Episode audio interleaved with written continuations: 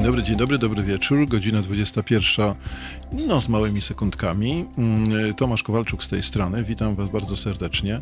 Y, Dzisiaj oczywiście nasz ostatni program, znaczy mój ostatni program z Wami, ostatnie moje spotkanie przed wyborami, w związku z tym ostatnia szansa, żeby o wyborach porozmawiać, więc y, y, postarałem się, jestem bardzo szczęśliwy, że mm, udało mi się zaprosić wspaniałego gościa. Za chwilę z nim porozmawiamy, myślę, fascynująco o wyborach.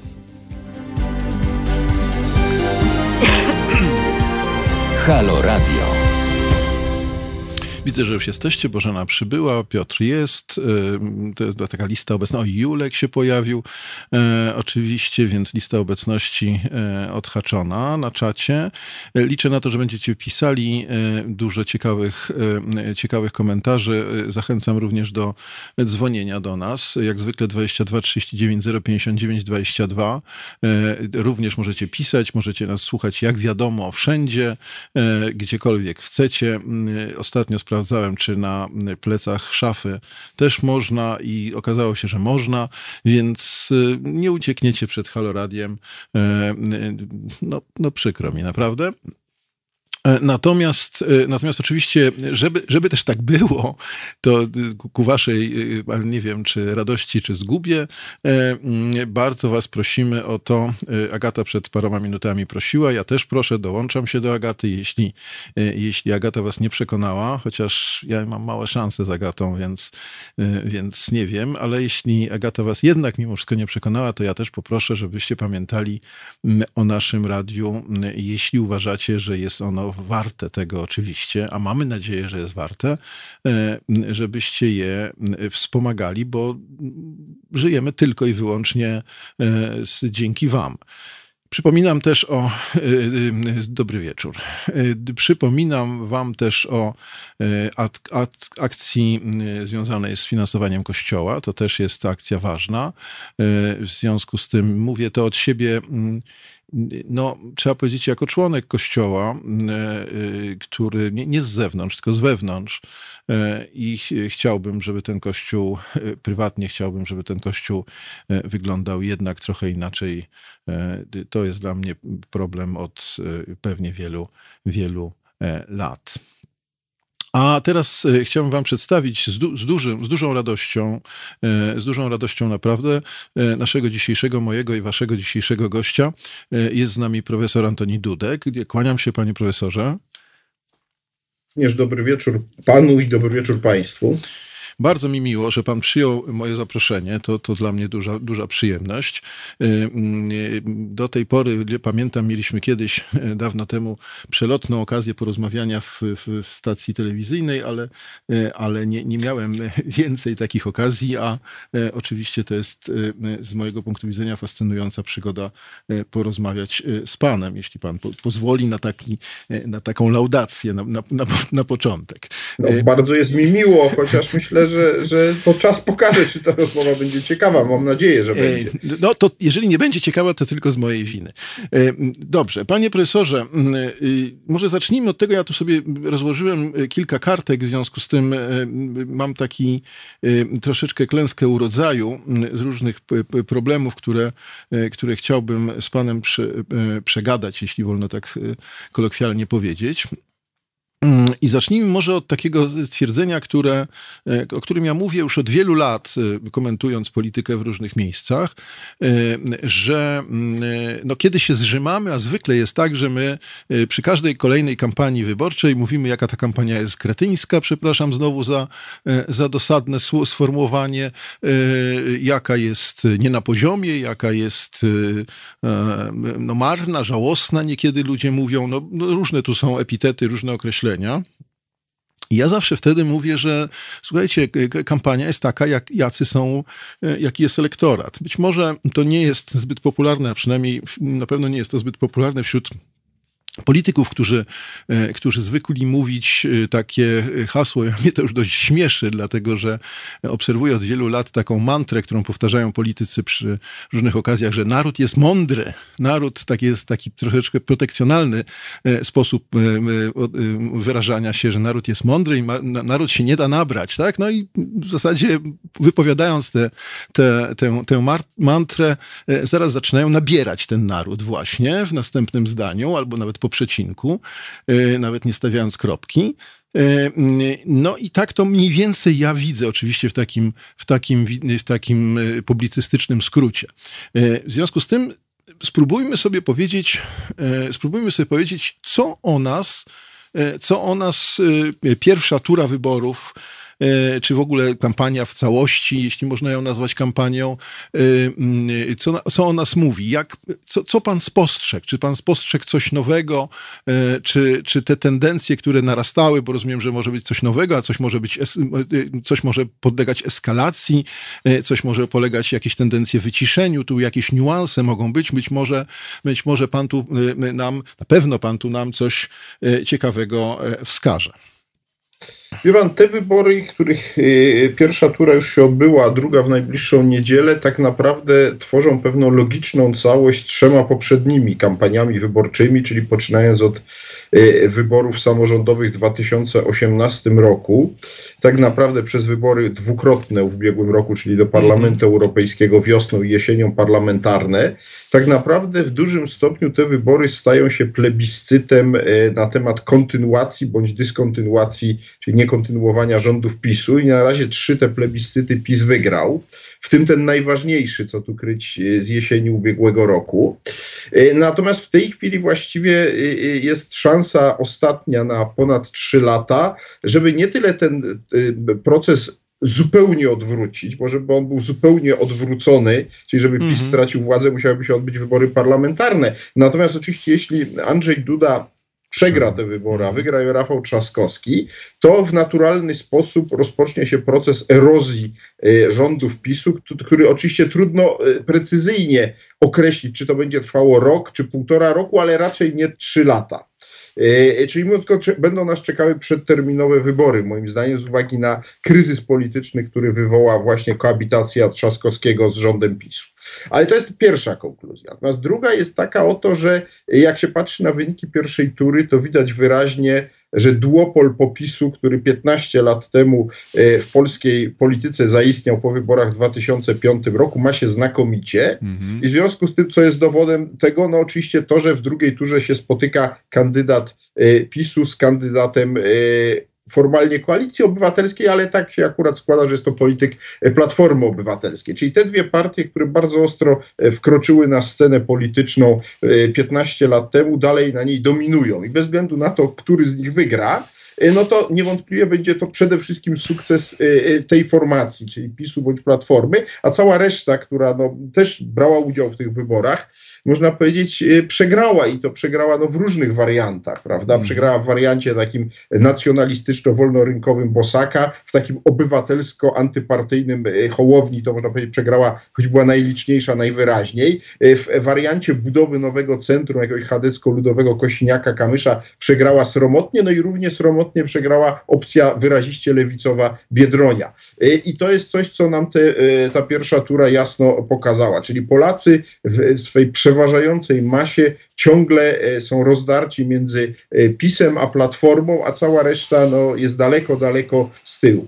Mm, panie profesorze, mm, to, to, takie niuanse z mojej strony mm, powiem w ten sposób, że tak jak pan powiedział, że w, w, wyborach parlamentarnych po raz któryś, chociaż mam wrażenie, że to jest nadal mniej wyborów, o ile nie, to pan będzie wiedział lepiej ode mnie, mniej wyborów na razie Platforma przegrała niż PiS przegrał, zanim, e, zanim wreszcie wygrał wybory w 2015 roku. Więc... Mniej, oczywiście. PiS przegrał no, 8 kampanii no, no więc... wyborczych, bo Platforma rządziła 8 lat. No właśnie, w związku z tym, w związku z tym to, to y, te hasło, które się między, y, y, też pojawia, to nikt z nim nie dyskutuje, nie słyszę. W każdym razie takie właśnie, że Platforma już któreś prze, wygry, prze, wybory przegrywa, to jest takie hasło, które trochę nie ma pokrycia, bo PiS miał, miał więcej takich. Ale to nie nawet o tym chcę rozmawiać. To nie, nie, nie, nie, nie jest nam najważniejsze, bo to rzeczy historyczne. Natomiast powiedział pan, że rzeczywiście kontynuacja, dyskontynuacja, natomiast jeśli wybory parlamentarne mówimy o nich, że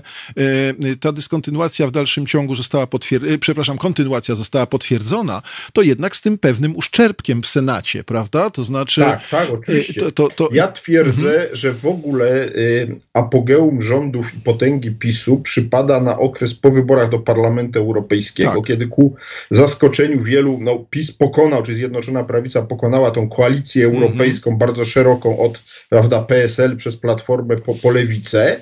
Y, po czym nastąpił pewien zmierzch. Y, choć PiS wygrał i to rekordowo wybory parlamentarne, to ktoś, kto pamięta y, minę prezesa Kaczyńskiego, to mm -hmm. nie mhm. było tam absolutnie zadowolenia. On po prostu wierzył w wyraźnie większość na poziomie nawet trzech piątych, a może dwóch trzecich, a tak naprawdę mimo, że PiS czy Zjednoczona Prawica dostała te 6% więcej w stosunku do 2015, to finalnie skończyło się na tym, co jest tak naprawdę sednem, czyli liczbie szabel poselskich identycznej. 235 e, mandatów Zjednoczonej -hmm. Prawicy po wyborach w 15 i po wyborach w 19.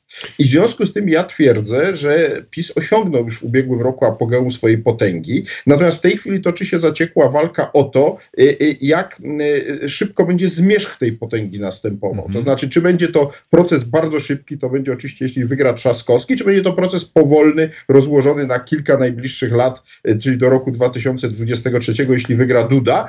I oczywiście Później, nawet jeśli PiS przegra w 2023, no to Duda będzie takim, jako jeśli wygra na drugą kadencję, będzie taką redutą e, obrony oczywiście e, interesów tej formacji, która, która w tej chwili rządzi. Ale uważam, że PiS rzeczywiście e, apogeum swoich wpływów ma za sobą. Dlaczego tak uważam? No bo kończy się okres, skończył się już, tylko jeszcze nie wszyscy to odczuli w kieszeni, znakomitej koniunktury mm -hmm. gospodarczej, oczywiście z powodu pandemii, ale ona tylko przyspieszyła pewne zjawiska gospodarcze, które pewnie i tak nastąpiły, natomiast gwałtownie przyspieszyła. I to najważniejsze y, y, narzędzie PiSu, czyli polityka społeczna, bo to tym PiS zbudował to, tą popularność, a nie tą całą tam narracją prawda, e, ideologiczną. E, e, otóż tą polityka społeczna wyjdzie teraz w fazę zmierzchu, znaczy nie da się po prostu przez najbliższych kilka lat nie tylko utrzymywać, ale tym bardziej rozbudowywać tych wszystkich programów socjalnych, jak to prezydent Duda obiecuje w tej chwili, że to wszystko będzie utrzymane, a nawet będzie będzie rozbudowywane.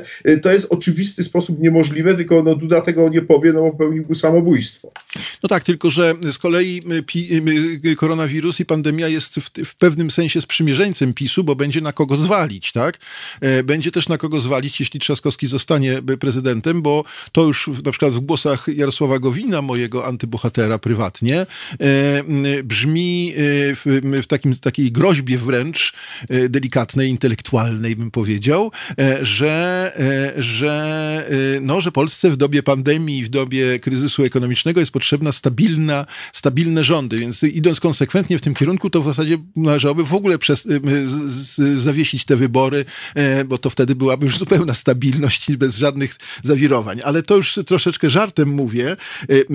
Pewnie też bym zwrócił uwagę na jedną fajną rzecz, czy bardzo ciekawą, że to, że taki sukces odniósł PiS w 2015 roku nie wynikało z tego, co PiS głosi cały czas, że gremialnie wszyscy poparli jego, e, jego nawet ekonomiczne e, pomysły, ale z no, nieszczęśliwego zbiegu okoliczności, jeśli chodzi o lewicę, prawda? Dlatego, że e, no, podzielenie lewicy na koalicję w 2015 roku i nową formację Adriana Zandberga, która się wtedy pojawiła i nie chciała wejść w tą koalicję, e, spowodowało, że no plus e, znakomita kandydatka na prezydenta w zeszłym, e, w poprzednich, w poprzednich wyborach, to, to, to, to wszystko doprowadziło do tego, że zgodnie z metodą, z proporcjonalną obsadzania, obsadzania mandatów, mielibyśmy, mieliśmy taki efekt, jaki mieliśmy dość zafałszowany.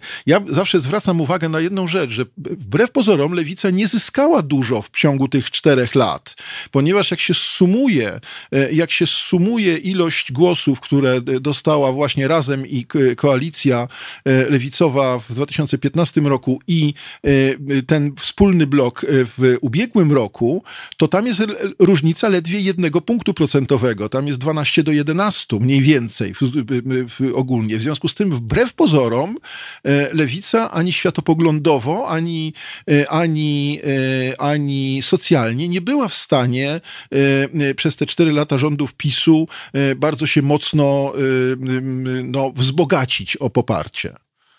Znaczy, ja powiem tak, najpierw jedno zdanie jednak w obronie Gowina, a mianowicie przypomnę tylko, że on zanim mhm. powiedział to, co pan zacytował, to wcześniej mhm. proponował przesunięcie wyborów tak, prezydenckich tak, tak. o dwa lata ja bez prawa reelekcji Andrzeja mhm. Dudy. I to strona opozycyjna, czyli Platforma y, odrzuciła to gwoli faktów. No tak. Y, czy zrobiła dobrze, no to się okaże po niedzieli, dlatego mm -hmm. że jeśli wygra oczywiście Trzaskowski, no to okaże się, że zrobiła bardzo dobrze. Natomiast jeśli by się jednak okazało, że przegra, E, Trzaskowski, a wygra Andrzej Duda, to może jednak niekoniecznie była to mądra decyzja, ale to czas pokaże. Natomiast jeśli chodzi o lewicę, problem z lewicą polega na tym, że ona się po upadku Sojuszu Lewicy Demokratycznej w 2005 roku, czyli tak naprawdę po tym utracie władzy, po końcu prezydentury Kwaśniewskiego, znalazła w bardzo głębokim kryzysie, w którego właściwie nie jest w stanie wyjść od 15 lat. Y, y, to wynika moim zdaniem z bardzo wielu powodów. To można by całą odrębną dyskusję na ten temat -hmm. urządzić. Natomiast ja wierzę w teorię tak zwanego wahadła nastrojów i ono się rzeczywiście w 2005 roku a właściwie nawet wcześniej zaczęło wychylać od strony lewej w kierunku prawej i najkrócej mówiąc ono się wychyla coraz bardziej, co czyni no, nastroje społeczne z gruntu nieprzychylnymi lewicy. Natomiast to wahadło jest pytanie, kiedy ono się maksymalnie wychyli. Być może ono się, jeśli Trzaskowski wygra w niedzielę, to okaże się, że to właśnie to był ten moment do, do niedzieli największego jego wychylenia, a teraz się zacznie proces w drugą stronę. Jeśli natomiast wygra Duda, no to oczywiście to wahadło będzie się dalej wychylało tak. E, w prawą stronę i dla lewicy nie ma na razie dobrych wiadomości, aczkolwiek e, na pewno jedno jest e, faktem, niezależnie od tego, co pan mówi o tych procentach, tu zgoda, mhm. ale no faktem jest, że lewica wróciła do parlamentu. Tak, nie, oczywiście. Nie była, co jest fundamentalnie ważne dla każdego mhm. bytu politycznego i, i zwłaszcza dla partii Razem, no bo nie, widać mhm. wyraźnie, że projekt Wiosna został ostatecznie pogrzebany przez Biedronia e, w pierwszej turze i na lewicy zostały dwa istotne byty. Ten silniejszy, starszy SLD i ten e, młodszy, ale bardziej dynamiczny i mający ewidentnie najbardziej perspektywicznego lidera, czyli Adriana Zenberga, czyli Partia Razem. I teraz jest pytanie, czy na lewicy uda się przez te trzy lata zakładając, że jednak wybory będą dopiero za trzy lata, przeprowadzić skuteczną fuzję tych dwóch organizmów, i pod przewodem Zandberga, bo przecież nie Włodzimierza Czarzastego, który do, powoli raczej powinien myśleć o politycznej emeryturze, lewica zdoła zbudować jakąś atrakcyjną ofertę e, po to, żeby no, Oczywiście jest pytanie, czy zająć miejsce Platformy w roli głównej siły opozycyjnej, to na razie mi się wydaje mało realne, zwłaszcza jeśli Trzaskowski, nawet jeśli przegrał włos, no to, będzie ogromne wzmocnienie i prawdopodobnie Trzaskowski stanie się nowym liderem Platformy Obywatelskiej, mm więc w tym rozdaniu najbliższych kilku lat, nawet jeśli przegra, to Platforma pod przewodem raczej nie Borysa Budki, tylko Trzaskowskiego będzie się szykowała do stawienia y, czoła PiSowi w następnych wyborach, powiedzmy za trzy lata, a lewica będzie musiała dłużej poczekać. Natomiast jeśli nie dojdzie w ogóle do tej fuzji, o której mówię na lewicy i do przejęcia mhm. e, przywództwa przez Zandberga, no to ta perspektywa się oddali, bo lewica ma szansę tylko, jeśli się skonsoliduje. Jeśli natomiast nie będzie skonsolidowane, jeśli będą, będzie ileś ugrupowań, no to one będą dzieliły ten w sumie niewielki elektorat. Y, natomiast oczywiście ten elektorat się może powiększyć w sytuacji y, głębokiego kryzysu, bo my nie wiemy tak naprawdę, jak głęboki będzie ten kryzys. Tak. Na razie pierwsze y, informacje, które do nas płyną, są dość optymistyczne. Mhm. Ocena Komisji Europejskiej i różnych ekonomistów, że polska gospodarka mniej ucierpi od tych gospodarek Europy Zachodniej. Tyle tylko, że to są jakby diagnozy diagnozy na dzisiaj, zobaczymy, jak to będzie wyglądało za pół roku czy za rok. O czym mówię? Gdyby się okazało, że jednak ten kryzys gospodarczy będzie głębszy, to on może doprowadzić do y, erozji poparcia dla tych dwóch głównych dzisiaj ugrupowań y, y, na scenie, czyli i PiSu i tak. Platformy, bo dotąd mm. przez 15 lat było tak, że jak PiS stracił, to Platforma zyskiwała i odwrotnie. I teraz co to znaczy? Mogą się pojawić dwa, jakby takie, powiedziałbym, dwie diagnozy radykalnie odmienne, e, e, e, ale skierowane przeciwko temu duopolowi popisu. Jedna może być budowana przez prawicę i to jest oczywiście Konfederacja, mhm. która teraz będzie się próbowała też skonsolidować, bo wbrew pozorom ona jest roz, rozbita na wielu, tam jest generałów i ten Bosak wcale tego wszystkiego nie kontroluje. I to będzie taka oferta nacjonalistyczno-populistyczno-wolnorynkowa. No i z drugiej strony na lewicy hipotetycznie może wyrósć taka oferta socjaldemokratyczno, e, prawda, e,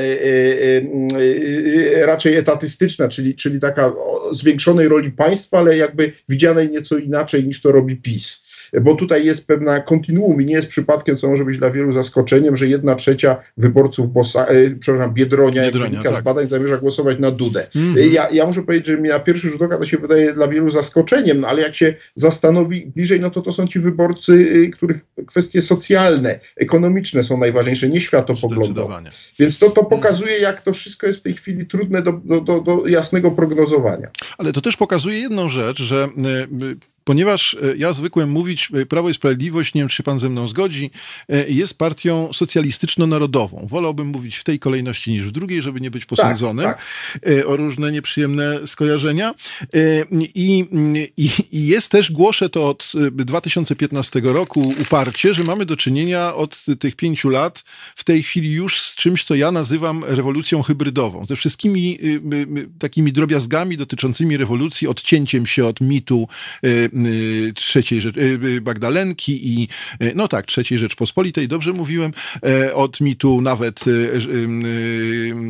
konstytucji, którą mamy w takim właśnie pewnym nawiasie, czy w pewnym cudzysłowie, czy w pewnym, e, w pewnym powątpiewaniu i podważeniu. E, dalej ma też tę swoją grupę takiego dużego beneficjenta, niczym reformy rolnej, to znaczy to jest to 500+. Plus.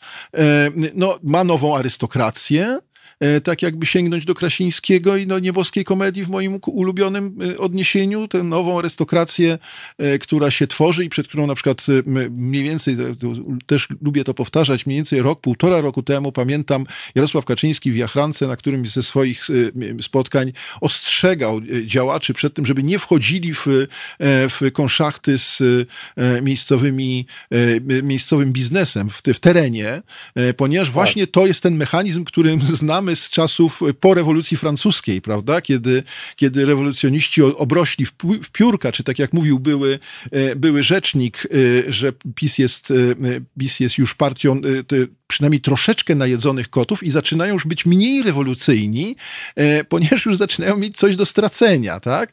Przynajmniej ci tacy e, tam mniejsi, którzy już się gdzieś umościli, bym powiedział, e, to, to, to, jest, to jest rzecz kolejna. Ale rewolu- jeżeli już powołuje się na tą, na tę analogię do rewolucji, jeśli pan się na nią zgodzi oczywiście, to każda rewolucja zawsze prowadziła do pewnych eskalacji, eskalacji jakby po bokach, tak? To znaczy e, ci, którzy ją e, tworzyli, zawsze nie doceniali możliwości rewolucji. To nawet dotyczy e, naszego przekształcenia, dlatego że przecież Sejm kontraktowy i wybór Jaruzelskiego na prezydenta też jest krytykowany z ex post z, tego, z tych właśnie pozycji, że można było więcej, można było się nie zgodzić, można tak. było pójść dalej. No, to jest właśnie klasyczny przykład takiej, takiej eskalacji. I ta eskalacja spowodowała, że mamy dwie dwoje dzieci, bym powiedział, tego, tego, tej eskalacji. Jedną po lewej stronie, skoro się zgodziliśmy, że PiS jest partią e, e, socjalistyczno-narodową, muszę się zastanowić, żeby dobrze powiedzieć, e, to po jednej stronie jest to, o czym pan profesor mówił teraz przed chwilą, tak? To znaczy e, to e, taka kradzież tego wszystkiego, co znowu utrudnia lewicy, tak? To znaczy, ponieważ PiS ukradł tę sferę, E, zagospodarował jakby tę sferę socjalną, e, no to tu tym bardziej się, y, tym bardziej się lewicy trudno e, przebić, można powiedzieć. Jest cały czas pytanie ciągle ważne, co to znaczy być lewicowym współcześnie, a w szczególności w Polsce, przy takich tradycjach, przy takim obciążeniu historycznym. I z drugiej strony jest ten spór, e, który ja w tej chwili ochrzciłem takim sporem o to, kto jest bardziej prawicowy, kto jest bardziej konserwatywny. E, I nawet pomyślałem sobie, że zgodnie z, tym, z tymi badaniami, na które się pan profesor powołuje, że zadziwiające było to 25%, to jednak nawet 30, nawet 30 to, to jakieś z kolei też 25%, o ile dobrze pamiętam, proszę mnie poprawić, wyborców Konfederacji chciało, czy chce, deklaruje głosowanie na Trzaskowskiego. Z racji tak. tego, że ten spór jakby w rodzinie E, kto jest, licytacja, kto jest lepszym konserwatystą, e, kto jest prawdziwym, ideowym konserwatystą, jest tutaj e, bardzo istotny, ponieważ to, to było bardzo dobrze widać, już kończę, panie profesorze, bardzo dobrze widać, jak z biegiem czasu zarówno w sferze, w sferze narodowej, jak i w sferze etycznej, chociażby w kwestii aborcji, pojawiły się już mniej więcej w dwóch trzecich rządów pierwszej kadencji kadencji e, głosy, chociażby ojca Ryzyka, czy e, Wojciecha Cejrowskiego, e, czy no, różnych osób, czy pani Sobeckiej na przykład, które wytykały PiSowi, że miało być w tej rewolucji dalej, a jest bliżej. I, i, i tu i, i to zrodziło te, te, te tendencje prawicowe. Tak, to znaczy ja mogę potwierdzić Pana intuicję, że y, wbrew takiemu stereotypowi, który gdzieś tam w tych kręgach bardzo krytycznie antypisowskich, takich bardzo mocnych y, y, jest rozpowszechniony, że PiS to jest taki absolutny monolit i tam absolutnie wszystkim trzęsie prezes -hmm. Kaczyński, że to jest pewien stereotyp. Oczywiście tak. pozycja prezesa Kaczyńskiego jest na zewnątrz niekwestionowana i nikt się nie ośmielił prezesa Kaczyńskiego publicznie skrytykować. Natomiast trzeba powiedzieć jasno, że za tą fasadą pewnej jednomyślności trwa zaciekła walka i to nie tylko jak niektórzy krytycy PiS uważają, nie wiem, o stanowiska lukratywne, mm -hmm. bo oczywiście o nie też toczy się ta walka, ale też tak właśnie naprawdę o kierunek tej e, ewolucji, e, czy kierunek tej rewolucji pisowskiej, bo rzeczywiście to jest tak, że jest w tym trochę e, rewolucji. Ja nie do końca uważam, że to jest dobre określenie, mm -hmm. dlatego że PiS y, no, jednak nie, na przykład no, nie posunął się do, do stosowania tego, co w rewolucjach y, tych najważniejszych miało miejsce, czyli do przemocy, przynajmniej na razie, terroru, tak. zwłaszcza na jakąś mhm. większą skalę. Y, I jednak legitymizuje się kolejnymi wyborami, których no, ciągle prawomocności na Ale, szczęście nikt nie podważa. Panie profesorze, Natomiast, jedno tak, słowo tylko, dlatego ja używam słowa hybrydowa, bo właśnie bo tak, to, to, tak, samo, tak, to, ja rozumiem, to samo dotyczy Unii Europejskiej, bo teoretycznie patrząc na przykład na Rosję, czy Związek Radziecki, rewolucję październikową, to, to naczelną zasadą rewolucji jest odcięcie się też od zewnętrznego świata, tak? E, zerwanie wszystkich, nawet za, za, za, na, e, za cenę e, głodu, czy no to znamy z historii. No tak, ale to, to jest mhm. pierwsza różnica, bo tak, pan racji, tak. Jakobini nie oglądali się na nikogo mhm, na tak zewnątrz, jest. bolszewicy też nie, a PiS się ogląda mhm. na wuja sama w wersji Donalda Trumpa i na przestrzeni tak. kilku minionych lat było bardzo wyraźnie widać amerykańską ingerencję i na nawiasem mówiąc, była to y, y, ingerencja no, y, na różnych poziomach oczywiście, ale ona generalnie zmierzała do łagodzenia tych różnych radykalizmów i takim symbolem, moim zdaniem, najbardziej spektakularnym tego czynnika amerykańskiego są losy Antoniego Macierewicza, bo oczywiście wielu -hmm. jest przekonanych, że on dlatego zakończył swoją misję, bo się naraził prezydentowi Dudzie i prezesowi Kaczyńskiemu i oczywiście to jest prawda, bo tam był bardzo ostry konflikt i sprawa Misiewicza tutaj była symbolem tego konfliktu konfliktu, ale w istocie rzeczy w cieniu byli jeszcze Amerykanie, e, którzy się bardzo, e, którzy się bardzo Macierewicz jako minister obrony nie podobał e, i tam mamy kilka dowodów na to w postaci przebiegu negocjacji na temat zakupu uzbrojenia, które jak tylko Macierewicz odszedł, nagle gwałtownie przyspieszyły i przy okazji okazało się, że ceny, które Amerykanie proponowali stronie polskiej gwałtownie pojechały w dół i to był taki bardzo czytelny sygnał. I to jest oczywiście część szerszego procesu, a mianowicie ta, ta, ci rewolucjoniści z PiSu jednak muszą się z tym czynnikiem amerykańskim liczyć i to nawiasem mówiąc może być problemem, jeśli w Stanach Zjednoczonych e, wygra tak, Joe Biden, Biden. Bo, mhm. bo wtedy PiS naprawdę już nie bardzo ma gdzie się, e, na, na, kogo przerzucić, no chyba, że na Chiny, w co wątpię. E, no bo, bo, bo rzeczywiście z Unią Europejską relacje są złe i będą złe, jeśli PiS się utrzyma przy władzy. No więc zostaje właśnie tylko kwestia Amerykanów i Chińczyków. Natomiast natomiast jeśli chodzi o, o, o, te e, konflikty, czego one właściwie dotyczą wewnątrz PiSu, no takim też papierkiem lakmusowym jest e, stosunek do TVP.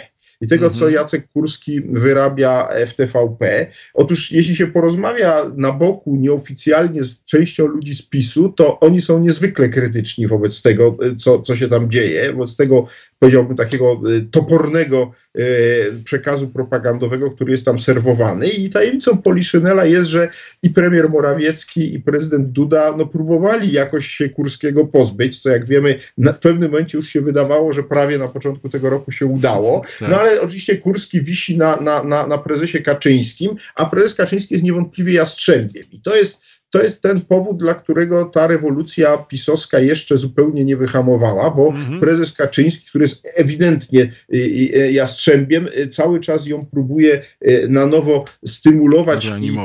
i, i, i, podsycać. Mhm. No ale jest pytanie, jak to będzie wyglądało w drugiej kadencji Andrzeja Dudy, jeśli on wygra oczywiście, mhm. bo to mhm. jest ciągle Jasne. nieprzesądzone. I ja tutaj nie kryję, że ja nie jestem przekonany, że to musi wyglądać tak jak w pierwszej kadencji, czyli że mhm. Andrzej Duda będzie no, w dużym stopniu potulnym narzędziem e, w rękach prezesa Kaczyńskiego. Oczywiście tak się może zdarzyć, ja bynajmniej nie, nie agituję w ten sposób z Andrzejem Dudą, Aha. ale po prostu mam wrażenie, że Andrzej Duda no. E, jednak doznał ogromnej ilości upokorzeń wewnątrz obozu władzy e, i że może chcieć odreagować, odreagować. to, ale jak mówię, to czas pokaże, nie mówię, że tak mhm. będzie.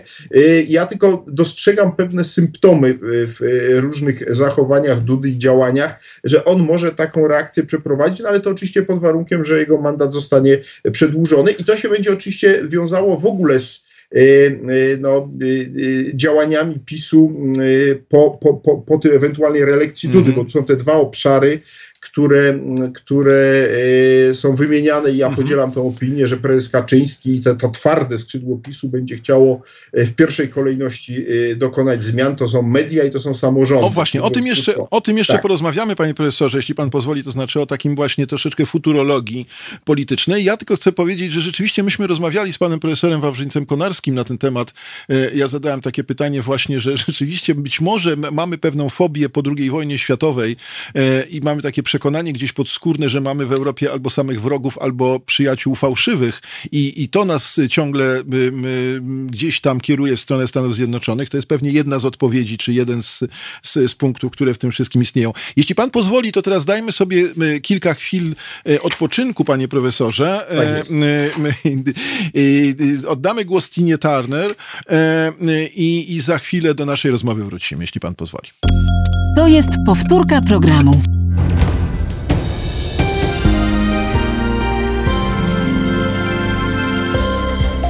Halo Radio. Pierwsze medium obywatelskie.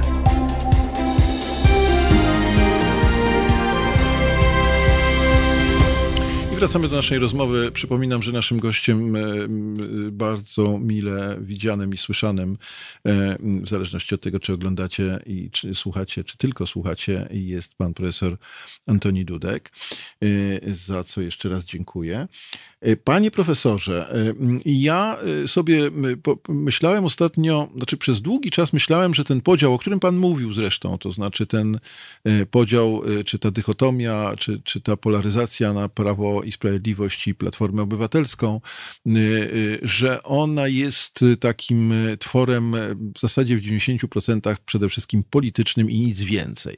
Natomiast od dłuższego czasu już zaczynam myśleć, że to niestety nie jest tylko tak. To znaczy, że mówię niestety dlatego, że ten podział jest dużo głębszy i odnosi się, bazuje, y, wykorzystuje y, podział nie tylko polityczny, ale przede wszystkim, czy, no tak, przede wszystkim podział y, o bardzo długich tradycjach, podział kulturowy. Ja ten podział wyprowadzam, tu też rozmawiałem na ten temat z moimi rozmówcami, wyprowadzam z, z pana Tadeusza, tak żeby symbolicznie to zrobić. Oczywiście pewnie są lepsze odniesienia, ale ponieważ chciałbym odnosić się do tego, co, co w miarę uniwersalne, jak sądzę, to tego sporu y, Surduta z, z, z Kontuszem. Y, I ten podział gdzieś się w Polsce odzywa. On oczywiście też jest związany z podziałem w granicach zaborów i tak dalej, i tak dalej, bo to wszystko ze sobą gra mm, i staje się bardziej zrozumiałe. Podział też, czy rozumienie kompromisu, który dużo bardziej był, czy w ogóle był możliwy jakkolwiek w Galicji, co można by na przykład prześledzić na przykładzie Wesela, jeśli by się trzymało e, i dylematów e, bohaterów Wesela, inteligencji w Weselu e, Wyspiańskiego, a dużo mniej był możliwy w, w zaborze rosyjskim i pruskim z racji oczywistych Hakaty, czy, czy polityki niemieckiej, czy polityki rosyjskiej, z kolei z różnicami gospodarczymi zapewne, to to tu bym chciał pana spytać, czy, czy ten ten postulat, który my troszeczkę tak jednym tchem ciągle mówimy, że chcemy odbudowywać jedność. Ja sam mówiłem przez pięć lat, że e, też w formie pretensji do Platformy Obywatelskiej, że ciągle mówi, że zbuduje, znaczy wróci do status quo ante, a nie zbuduje propozycji Polski po PiSie. Nie po PiSiu, nie po PiSie, tylko po, po no, rozumiemy się. E, I to, i teraz zaczynam być troszeczkę bardziej pesymistyczny, to znaczy zaczynam myśleć takimi kategoriami, że to nie jest jednak tylko podział taki, który da się załatwić pamięcią o jednych, o drugich, jednego elektoratu o drugim elektoracie, ale że to jest podział dużo bardziej zakorzeniony w, głęboko w, w pewnym modelu władzy. To, to między innymi zacząłem się tym zastanawiać, kiedy patrzyłem na takie obrazki, jak właśnie Jarosław Kaczyński na cmentarzu, czy, e, czy premier Morawiecki bez maseczki e, w, w tam w jakiejś kawiarni, czy szybko przemieszczającej się kolumny samochodów e, Andrzeja Dudy ostatnio bodajże w Łowiczu i tak dalej, i tak dalej. I sobie pomyślałem, że jednak to, to nie robi wrażenia. Znaczy oczywiście na nas robi wrażenie, ale my jak o tym krzyczymy, to nagle z drugiej strony mamy takie wzruszenie ramion i stwierdzenie, to jest władza władza. Władza może. E, władza, e, e, władze, taki, władzy takie rzeczy przysługują. My możemy oczywiście mieć poczucie, że, że, że coś jest nie tak, ale władza jest władza. I coś mi się tu, wy... nie, nie wiem, czy nie idę za daleko, ale, ale i za gorzko, ale zaczynam mieć poczucie, że to jest jednak dużo bardziej głęboki podział niż tylko podział taki prosty polityczny. Znaczy, ja myślę tak, że pan powiedział o dwóch sprawach. Mhm. Pierwsza to ta, o której mówił pan pod koniec, ten Kaczyński na cmentarzu, mhm. prawda, Morawiecki gdzieś tam bez maseczki. To jest kolejny przykład y, tego, co się nazywa arogancją tak. władzy. To się przydarzało tak naprawdę wszystkim włodarzom Polski e, po roku 89, no w czasach PRL-u tym bardziej, kiedy nie musieli się specjalnie liczyć z wolą wyborców. Ale to się też marszałkowi Piłsudskiemu zdarzało. Nie, arogancja władzy to jest zjawisko, które nie ma, e, powiedziałbym, związku z tym podziałem, bo ten mm. podział rzeczywiście istnieje, zaraz o nim powiem. To jest po prostu związane z, powiedziałbym, z naturalną skłonnością ludzi sprawujących władzę do przekraczania pewnych granic, niechęć do samoograniczenia, ograniczania się e, i, i, i tyle. No, no, można powiedzieć, że e, to występuje w takich często bardzo, e, powiedziałbym, karykaturalnych formach, bo tak. na przykład Władysław Gomułka był niezwykle skromny osobiście, tak. a zarazem był niezwykle arogancki jako mhm. decydent, podczas gdy Gierek odwrotnie pławił się w relatywnym luksusie, ale był ostrożny w, że tak powiem, mówieniu ostro i raczej starał się łagodzić i mhm. miał inny styl sprawowania władzy. Ale to, to była taka dygresja historyczna. Bo to, bo to, wzór, bo to wzór francuski, panie profesorze, myślę. No tak, Gierka. tak, oczywiście ten pobyt Gierka na zachodzie mm -hmm. y, oczywiście na niego wpłynął, choć na przykład y, o czym się rzadziej mówi, jeśli spojrzymy na to, który z nich był bardziej serwilistyczny wobec Kremla, to y, Gierek tu wygrywał kilka długości, tak, no. jeśli chodzi o poziom serwilizmu wobec Kremla w stosunku do Gomułki, ale to Dobrze. nie chcę tych panów porównywać, bo to zupełnie uboczny oczywiście. efekt. Nie tylko chodziło o jedno, że aroganckie zachowania się każdej władzy zdarzają, oczywiście w jednej bardziej, innym mniej. Natomiast to, o czym pan wcześniej mówił, to rzeczywiście jest pewien fundamentalny podział, który niektórzy wywodzą rzeczywiście e, jeszcze z e, tego podziału XIX-wiecznego na Polskę chłopską i Polskę ziemiańską czy Polskę szlachecką. prawda? I oczywiście można tak daleko sięgać, ale ja nie wiem, czy to jest, nie jest trochę, mm, powiedziałbym, już dzisiaj anachroniczne, natomiast mhm. rzeczywiście jest tak, że PiS uosabia i, że tak powiem, wręcz otwarcie deklaruje, że jest tym reprezentantem tak zwanych zwykłych Polaków, tego polskiego ludu, natomiast Platforma to jest partia owych elit z wielkich miast. I rzeczywiście jak się spojrzy na to, co się w ostatnich wyborach trzech wydarzyło, no to widać wyraźnie, że ta dawna polaryzacja, która była na linii tak zwanej Wisły w pewnym uproszczeniu, czyli że ten wschód to był bardziej właśnie taki bardziej prawicowo-konserwatywny, a ten zachód yy, to był bardziej taki lewicowo-liberalny w uproszczeniu, bo to się oczywiście przesuwało, ale mniej tak to wyglądało, nagle zaczął się zmieniać w kierunku Polski wielkich miast, która jest mm -hmm. lewicowo-liberalna przeważająco, choć są tam też zwolennicy oczywiście prawicy, i odwrotnie Polska e, prowincjonalna. I, i, I PiS to bardzo mocno uderzył. No dlaczego? Dlatego, że to mu pozwoliło wejść na tereny, y, y, o których jeszcze do 2015 roku włącznie mógł tylko marzyć, czyli mhm. nagle PiS zaczął wygrywać wybory w niektórych obszarach Polski zachodniej i północnej. E, oczywiście nie, nie we Wrocławiu, nie, nie, nie w Szczecinie, tak. nie w Gdańsku, ale już w niektórych mhm. powiatach mhm. zachodniopomorskiego czy, czy dolnośląskiego nagle się okazało, że tam PiS zaczyna wygrywać. Dlaczego? No bo ta retoryka, e, powiedziałbym, że my tu bronimy was, przed tym modelem polaryzacyjno-dyfuzyjnym, który, tak. będzie tam Platforma na początku swoich rządów zaczęła głosić, z czego się później wycofała, ale tak naprawdę ten nurt był, ten kierunek był realizowany. E, otóż e, e, to się udało PiSowi wystraszyć po prostu tych ludzi z tej prowincji, że no tak, no co robi wam Platforma? No Platforma polikwiduje wam posterunki policji, Platforma polikwiduje wam sądy lokalne, Platforma zrobi z was jeszcze większe, mówiąc w cudzysłowie, zadupie niż jesteście, mhm. natomiast my dokładnie odwrotnie. My tym z wielkich miast, tym mądralom, bogaczom zabierzemy i damy wam. Mhm. I to jest w istocie rzeczy bardzo prymitywny y, y, no, sposób, re, re, re, Rewolucja, panie profesorze, rewolucja. Y, no, w jakimś sensie tak, chociaż rewolucja bez, bez jak mówię, tego, co się dzieje jasne, zwykle jasne, jasne. w rewolucji, czyli nie, nie mhm. wieszano bez szafotów, tak, tak. przysłowiowych latarniach, bez mhm. szafotów. Mm-hmm. Natomiast oczywiście tak, tylko że ta rewolucja zaczyna grzęznąć z dwóch powodów. Znaczy, po pierwsze, tych środków będzie brakowało już teraz, jasne. E, e, bo, bo, bo rzeczywiście to, co PiS naobiecywał, prawda, łącznie z tym najnowszym pomysłem, prawda, obietnicą Dudy, że na koniec jego kolejnych pięcioletnich rządów e, średnia płaca w Polsce sięgnie nie 2000 euro, no to są moim zdaniem kompletnie jakieś księżycowe tak. obietnice, mhm. a PiS to wszystko buduje na y, poziomie, no, że obiecaliśmy 500 plus, śmiali się z tego, że to się nie da y, mhm. i tu się pojawia nieśmiertelny minister Rostowski, którego widziałem kilkaset jako stały y, oso osoba, która stale ogląda wiadomości TVP przez ostatnie 5 lat widziałem około kilkuset razy ministra mhm. Rostowskiego mówiącego, że pieniędzy nie ma i nie będzie na 500 mhm. plus y, y, i to jest taki koronny dowód, że się uda. No tylko, że jak się spojrzy oczywiście na te ambitniejsze przedsięwzięcia PiSu, na przykład program Mieszkanie Plus, no to widać klapę. To jest ewidentna klapa po pięciu latach tu się nic nie udało. Dlaczego? To jest dużo trudniejsze. Tak. I w związku z tym PiS, który obiecywał też, że pobuduje te tanie mieszkania, prawda, gdzieś tam na, na polskiej prowincji, no okazało się, że to się, to się nie uda. Oczywiście oni cały czas mówią, że to się właśnie uda w przyszłym roku, ale to podejrzewam będzie taka opowieść, prawda, że jeszcze rok, jeszcze te, bo ja mam w ogóle podejrzenie, że e, tu, e, złe przeczucia a propos prognozy, że w ogóle e, program Mieszkanie Plus zostanie wykorzystany do walki z samorządami.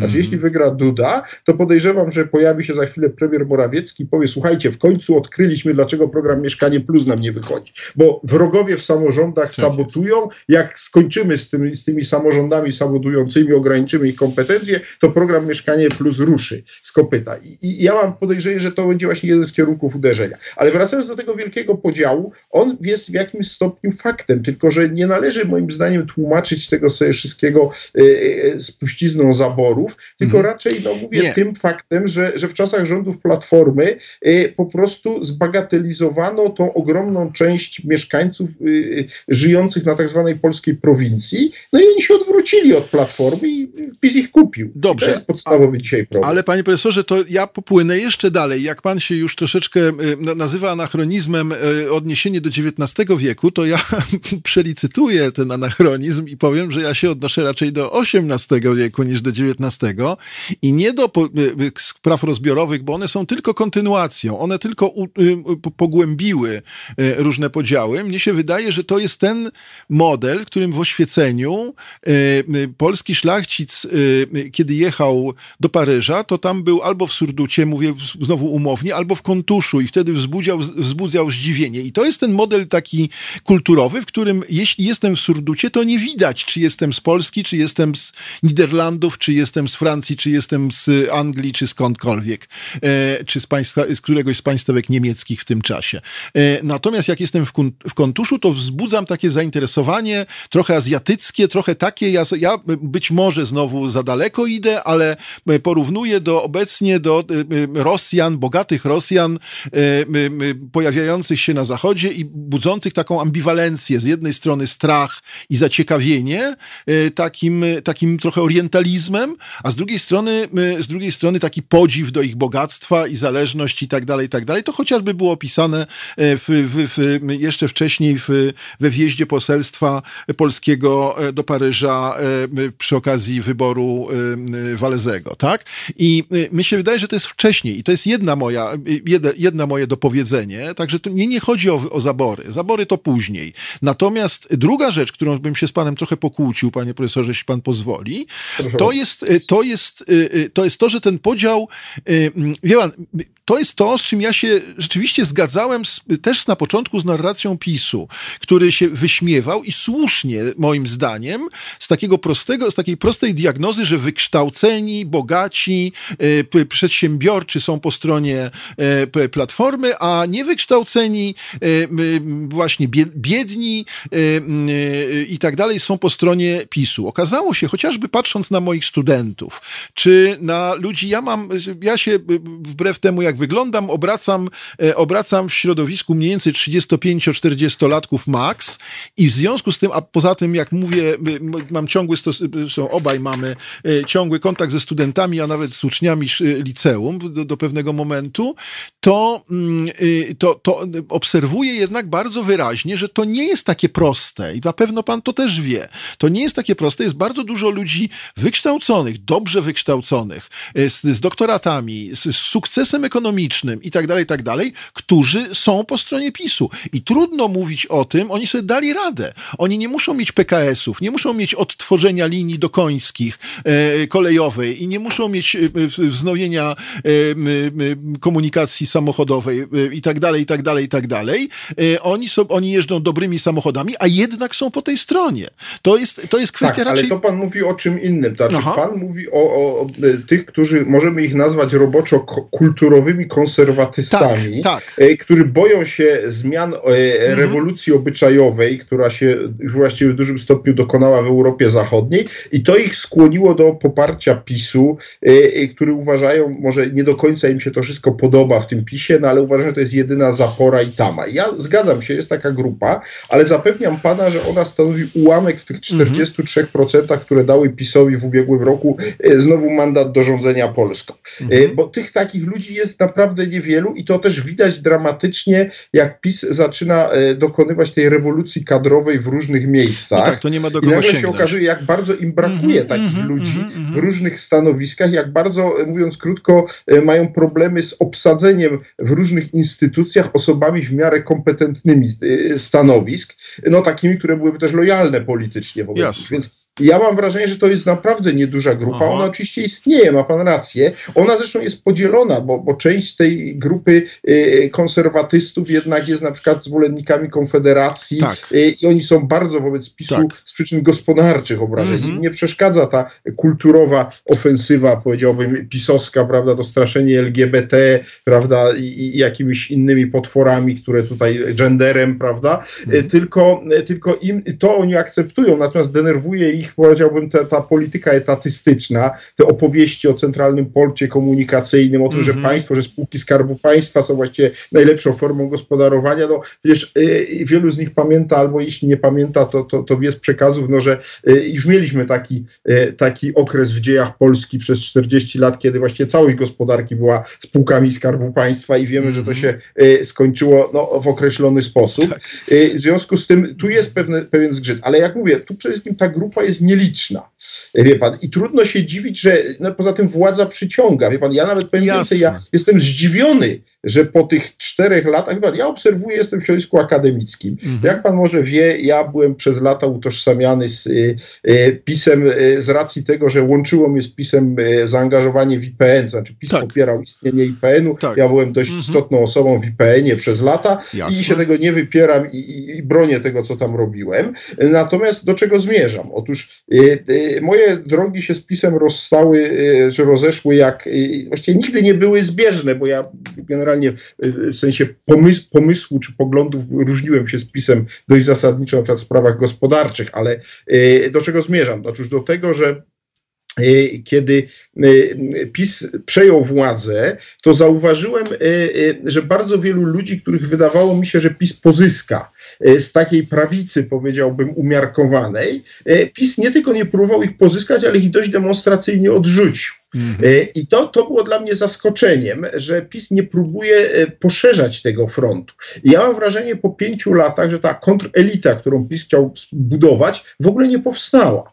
E, I to jest zdumiewające, jak ta formacja, mimo ogromu władzy, jaka skupiła w swoich rękach, jak niewielu ludzi ona zdołała pozyskać, chociaż teoretycznie no, ma narzędzia do pokupowania ludzi, prawda? ma mnóstwo tak. stanowisk, różnego rodzaju przywilejów. Oczywiście są osoby, które, które gdzieś tam się zdecydowały na, na podjęcie współpracy z, z PiSem, z, z, jakby z e, różnymi strukturami tej władzy, ale ich jest zaskakująco mało, mm -hmm. moim zdaniem. I to tu się i, ja mam poczucie, że oni tu ponieśli spektakularną klęskę. I dla mnie symbolem personalnym tej klęski jest minister kultury, wicepremier Gliński którego ja z racji jego biografii e, wcześniejszej, przypomnę, to był człowiek niegdyś w Unii Wolności działający, tak, tak. prawda, i to w tym skrzydle ekologicznym, lewicowym. Ja myślałem, że on będzie taką łagodną, liberalną mm -hmm. twarzą tego rządu, że on będzie łagodził to. No, po czym on się okazał do jednym z najbardziej agresywnych, powiedziałbym, e, przedstawicieli tej władzy, no, co, co, co, co doprowadziło do tego, że dzisiaj w świecie kultury PiS jest w dramatycznie, moim zdaniem, wyizolowanej sytuacji. I, i, to, i to jest dla mnie dowód na co? No na to, że, że tych ludzi, o których pan mówił, mm -hmm. którzy pana dziwią, że oni są, to oczywiście jest naprawdę tak naprawdę mało. Jednak PiS rządzi dzięki tym y, ludziom, tak zwanym zwykłym y, Polakom z małych miasteczek, to oni są tą siłą napędową PiSu. Bez nich y, PiS miałby kilka procent, moim mhm. Panie profesorze, teraz chwilę damy odsapnąć, tak troszeczkę nawet kilka minut, więc gdyby pan chciał sobie zrobić herbatę czy cokolwiek innego, Jasne. to będzie, będzie dogodny moment. Natomiast ja się jednak tylko odniosę w dwóch kwestiach do, te, do tego, e, e, co pan powiedział, mianowicie z jednej strony a propos ministra Glińskiego, ja mam e, od dawna jako pracownik Uniwersytetu Warszawskiego, nie tylko zresztą, mam takie poczucie, że intelektualiści, czyli intelekt jest narzędziem tylko, nie jest gwarancją, jest narzędziem i mam wrażenie, że intelektualiści bardzo często zaczynają się uwodzić pewnymi swoimi pomysłami, co powoduje, że się odwracają od, od od y, systemu wartości, jak sądzę, wierząc w swoje posłannictwo. Więc to jest taki mój y, komentarz, jeśli chodzi o, o, o ministra Glińskiego, który rzeczywiście dla mnie też jest zaskoczeniem w tym samym stopniu, co pan. Mam wrażenie, że co bym panem dyskutował co do, co do ilości tych młodych ludzi, wydaje mi się, że jest jednak ciut więcej, co nie znaczy pewnie, że dużo, ale ciut więcej, ale to już zostawiam E, w zasadzie e, dla aptekarza do wymierzenia. Ale niech pan zwróci uwagę, które miejsce wśród najmłodszych wyborców zajął Duda e, tak, w pierwszej turze tegorocznych wyborów. To, to, nawet nie jest miejsce medalowe. To prawda. To nawet nie jest miejsce, to jest ale ja mówię, miejsce. To jest tak, katastrofa. Tak, ale ja mówię, panie profesorze, o takim przedziale powyżej 29 lat, tym następnym przedziale, tych ludzi, którzy zostali rozbudzeni, rozbudzeni, że im się uda dokonać skoku cywilizacyjnego. Musimy przerwać na sekundę sekundę, także proszę sobie zrobić herbatę, Jasne. jeśli ma pan ochotę, a my teraz będziemy uprawiali y, y, zawoalowaną y, kampanię wyborczą Rafała Trzaskowskiego, e, ponieważ, ponieważ następny utwór to Nie masz cwaniaka nad warszawiaka, no to wiecie o kim mowa. To jest powtórka programu. Halo. Już w przyszłą sobotę w audycji Mariusza Gzyla będziemy gościć Iwonę Blecharczyk, Tracking Girl, zawodowego kierowcę ciężarówki. Porozmawiamy z nią o tym, co to znaczy trzeźwo myśleć za kierownicą. Audycja jest częścią kampanii edukacyjnej Trzeźwo Myślę, organizowanej przez Carlsberg Polska. E, no, godzina jest 22 i 4 minuty. E, no, no tak, no nie masz cwaniaka nad warszawiaka. E, to jest, to jest tekst bardzo taki tradycyjny, bym powiedział. Rzeczywiście nie masz cwaniaka nad warszawiaka. Od razu mi się kojarzy z Powiślem i z Czerniakowem. Akurat i z Powiślem i z Czerniakowem mam wiele wspólnego. Mm, wydaje mi się, e, że e, ten warszawiak, o którym mowa, się urodził na Powiślu, czyli na Karowej, jak sądzę. Nie ustaliłem tego, ale chyba na Karowej, no bo na Powiślu, jak się ktoś rodził, to raczej w szpitalu na Karowej. E, I tu sobie mogę powiedzieć, że przetarłem szlaki na Karowej, bo też się urodziłem na Karowej, w tymże szpitalu. Mm, to oczywiście jakoś, jakoś daleko można sobie tutaj jakieś analogie snuć. E, panie profesorze, czy pan już z herbatką? Oczywiście, jestem gotowy. Świetnie, bardzo się cieszę. Mm, e, panie profesorze, to teraz czas nas goni, bo ja mam znowu bardzo wiele pytań do Pana i chciałbym tę okazję wykorzystać. Nie wiem, co Pan o tym sądzi, ale ja trochę tak prowokacyjnie Pana spytam, jaki w wyniku tych wyborów będzie podział mandatów w parlamencie? Ja. Znaczy pan pyta o to, co się stanie z Gowinem i jego nie, nielicznymi nie, zwolennikami, Nie, tak? nie, nie, panie profesorze, nie. Tu może za daleko pojechałem, więc od razu się wytłumaczę, bo szkoda czasu. Y, ja mam wrażenie, bardzo niedobre wrażenie, że y, mamy do czynienia z kampanią, jak słucham właściwie całej kampanii, to mam wrażenie, że apogeum był wczoraj, czy tam przedwczoraj, kiedy pani Katarzyna, już nie pamiętam nazwiska, zadała pytanie kandydatowi kandydatowi Andrzejowi Dudzie, czy spowoduje, że kolej znowu zostanie dociągnięta do, koński, do końskich, e, że mamy do czynienia z e, kampanią parlamentarną, nie prezydencką. E, dlatego, że w zasadzie po pierwsze, kampania prezydencka zasadza się na różnicowaniu, prawda? To znaczy chodzi o to, żeby bardzo wyraźnie pokazać, że poszczególne ugrupowania te, które aspirują do parlamentu, mają swoje programy i one się wyróżniają od innych, natomiast kampania prezydencka, moim zdaniem, e, e, zasadza się na zupełnie czymś innym. To znaczy na udowodnieniu, że ten ktoś, kto ma zostać prezydentem, e, no przepraszam, bo to będzie wyświechtane zupełnie, jest, jest prezydent, ma szansę być prezydentem wszystkich Polaków, ma szansę być moderatorem, ma szansę być patronem, ma, ma szansę być tym, wie pan, z naszej perspektywy, przepraszam, że tak się spoufalę z panem, jako nauczycieli akademickich, ja mam takie poczucie, poczucie, że jak wchodzę na, na zajęcia e, e, akademickie i mam przed sobą naście czy dziesiąt osób przed sobą, to ja muszę zadbać o nich wszystkich. Muszę dostrzec każdego i dostrzec, że on chce coś powiedzieć, a w szczególności muszę dostrzec te głosy, które są w sprzeczności z moim, które są e, polemiczne, które są inne. I tak mniej więcej tą metaforą próbuję opisać prezydenta. Natomiast my mamy w gruncie rzeczy w wystąpieniu wszystkich kandydatów od pierwszej tury e, programy typu właśnie PKS, typu 100 zł więcej, 300 zł więcej, e, kolej, e, statki, mieszkania, czyli generalnie rzecz biorąc, generalnie rzecz biorąc to się mieści w, w programach partyjnych. Proszę zwrócić uwagę, to już ostatnie to powiem, bo to już mówią, że moje pytania za długo trwają. Pan premier Morawiecki był łaskaw, jak pan pamięta, niedawno wystąpić o wotum zaufania dla rządu i tak. wtedy ja sobie pozwoliłem nawet na taki krótki komentarz na Twitterze, że, e, że, że ja nie bardzo rozumiem, po co my mamy rząd e, w tej sytuacji, kiedy pan premier Morawiecki twierdził, że wszystkie e, ustawy, które fundamentalne zrealizowane w czasie rządów PiSu były inspirowane bądź wręcz napisane przez prezydenta i wszystko mamy dzięki panu prezydentowi. No to po co nam rząd? Ale też po co nam taki prezydent? To znaczy, to, co, co to jest? To jest super premier? Czy kto to ma być? Z, z tego, z, te, z takiego kształtu kampanii wyborczej e, wychodzi mi, że to jest kampania parlamentarna, a nie, e, a nie czy plebiscyt na premiera, a nie na prezydenta. Więc dotknął pan sedna problemu ustrojowego w Polsce, Właśnie.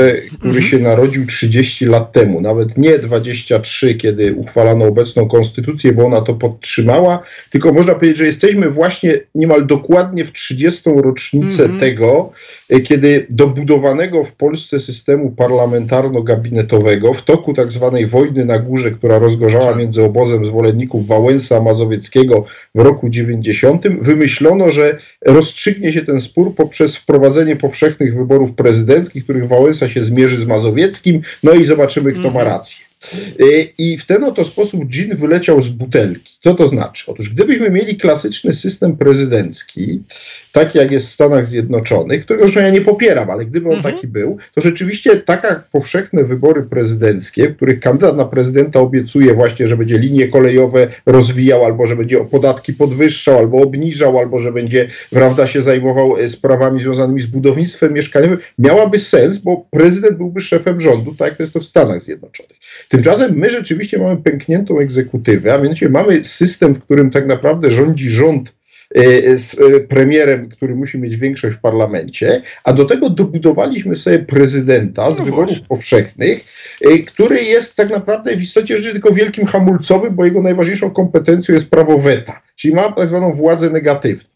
I teraz cóż to powoduje? Ano powoduje to, że po pierwsze wszystkie kampanie prezydenckie, nie tylko ta, o której pan teraz powiedział, ale te poczynając od roku 90, zawsze zamieniały się właśnie w festiwal obietnic, co też ten prezydent zrobi. I ja do dziś pamiętam, e, Lech Wałęsa akurat miał małą wiedzę o konstytucji, ale jak już został prezydentem, to się zorientował, że to nie prezydent rządzi. I jak dziś pamiętam, ponieważ często to studentom, studentom puszczam słynną debatę, debatę Wałęsa-Kwaśniewski, która przesądziła o klęsce e, Wałęsy z powodu tego, że on stracił panowanie nad siebie, ale w jednym tam Wałęsa miał rację. A mianowicie w pewnym momencie już wiedząc po pięciu latach sprawowania urzędu prezydenta, że ten prezydent ma głównie władzę negatywną, choć ona i tak była wtedy nieco większa niż mm -hmm. dzisiaj, już nie chcę chodzić w szczegóły, e, bo to było jeszcze na gruncie tych małej konstytucji z 92 roku. W każdym razie on wtedy krzyczał do Kwaśniewskiego, pan się tu zachowuje jak pierwszy sekretarz, co obiecuje, e, że tak. zbuduje mieszkania, na gruncie jakiej władzy, jakiej konstytucji pan zbuduje? Przecież prezydent nie ma takich kompetencji. On zwrócił uwagę, smutnie doświadczony swoją pięcioletnią prezydenturą, że prezydent takiej władzy nie ma. I teraz y, y, właśnie dochodzimy do sedna problemu, że myśmy się nie zdecydowali ani na system parlamentarno-gabinetowy, y, powiedzmy taki jak jest w Niemczech, tak zwany kanclerski, który byłby moim zdaniem optymalny dla Polski. Mhm. I wtedy proszę zwrócić uwagę, gdybyśmy i teraz gdybyśmy mieli prezydenta nie wybieranego w wyborach powszechnych, ale wybieranego kwalifikowaną e, większością, powiedzmy, trzech piątych głosów przez Zgromadzenie Narodowe albo jakieś ciało poszerzone, czyli Sejm, Senat plus jakieś reprezentacje samorządów, to partie polityczne musiałyby szukać kandydata spoza swojego tak. e, grona.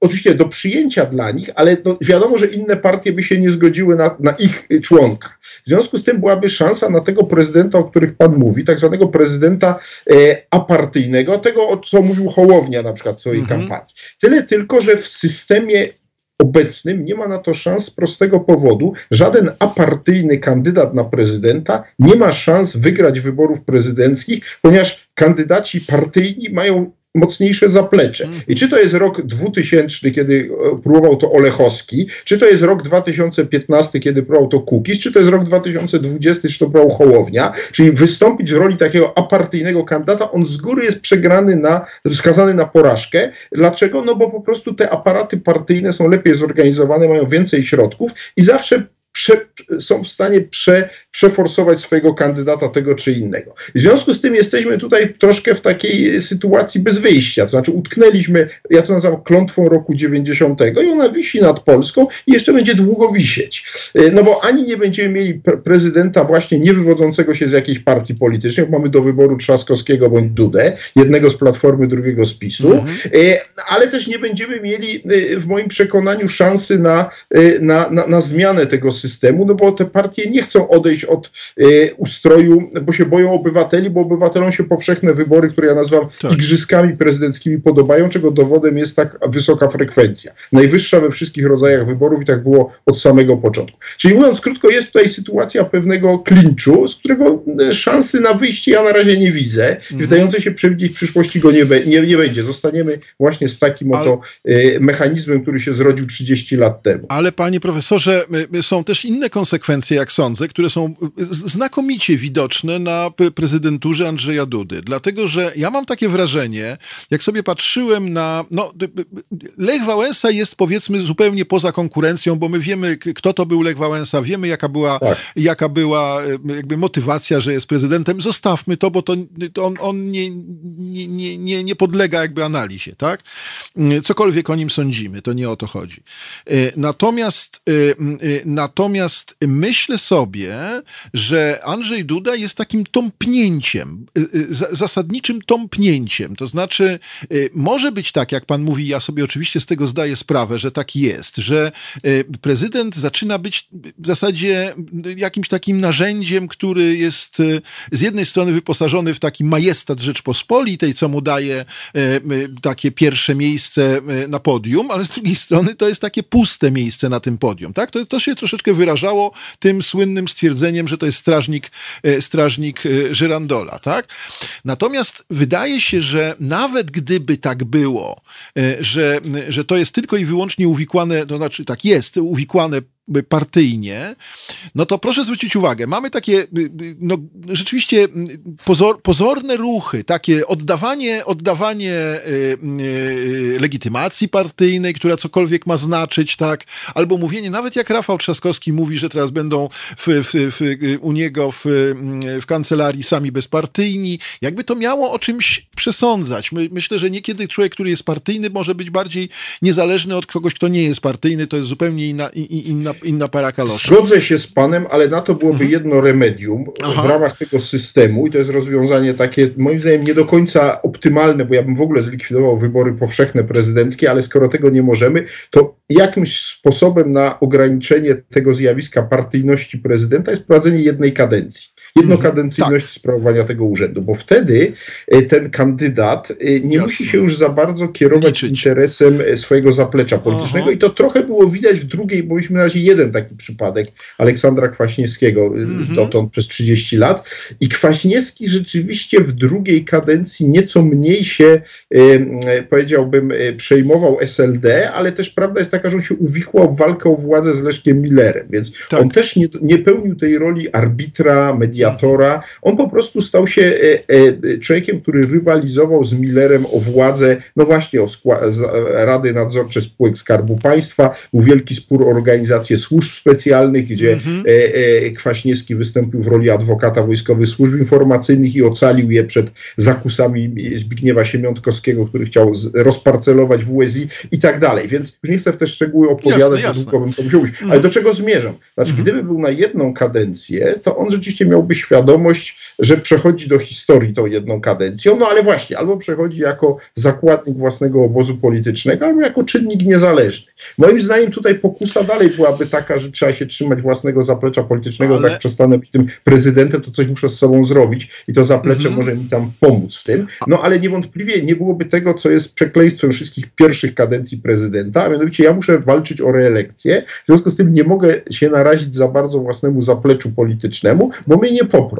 I, I, to był problem i Bronisława Komorowskiego i oczywiście Andrzeja Dudy też bardzo wyraźnie. Ale wie pan, tu ja bym poszedł jeszcze dalej, to znaczy myślę sobie, że y, y, krzywdą jest, to znaczy krótkowzrocznością jest zarówno partii, która, y, która no trzeba powiedzieć kompromituje, czy dewaluuje urząd prezydenta, a w ten sposób ośmiesza ten urząd prezydenta. To, co pan powiedział by paręnaście czy parędziesiąt już minut temu o tym, o tych upokorzeniach z własnego, z własnego obozu, politycznego, więc to jest... Znaczy, tu ma pan rację, pod tym względem Duda pobił rekord. Znaczy, mm -hmm. nigdy wcześniej Właśnie. prezydent, bo Bronisławowi Komorowskiemu też się zdarzały psztyczki ze strony tak. Donalda Tuska, ale nigdy to nie było tak ostentacyjne tak, i tak, tak, nasilone, jak w przypadku psztyczków nowogrodzkiej wobec ale, Dudy. I w tym sensie ma pan rację, Duda zdegradował urząd prezydenta, ja nie mam co do tego wątpliwości. Ale wie pan, to też znaczy, bo jakbym miał porównywać Bronisława Komorowskiego z, staram się to zrobić, żeby nie, nie, nie, jakby nie ulegać sympatiom czy antypatiom, ale mam wrażenie, że jednak Bronisław Komorowski był politykiem, kiedy został wyznaczony, e, kiedy stał się tym kandydatem na, na, na, na prezydenta z, z, ze swojej opcji politycznej, to on miał wyższą wyraźnie pozycję e, tak. w swojej partii i w ogóle wyższą pozycję, powiedziałbym, e, większą klasę niż, niż Andrzej Duda, kiedy został tym, tym. Ja w swojego czasu mówiłem, że on prawdopodobnie został w ogóle zaskoczony takim telefonem. Słuchaj, a może byś był prezydentem? No bo jestem trochę złośliwy w tej materii, ale, ale tak sobie to próbowałem wyobrazić. To...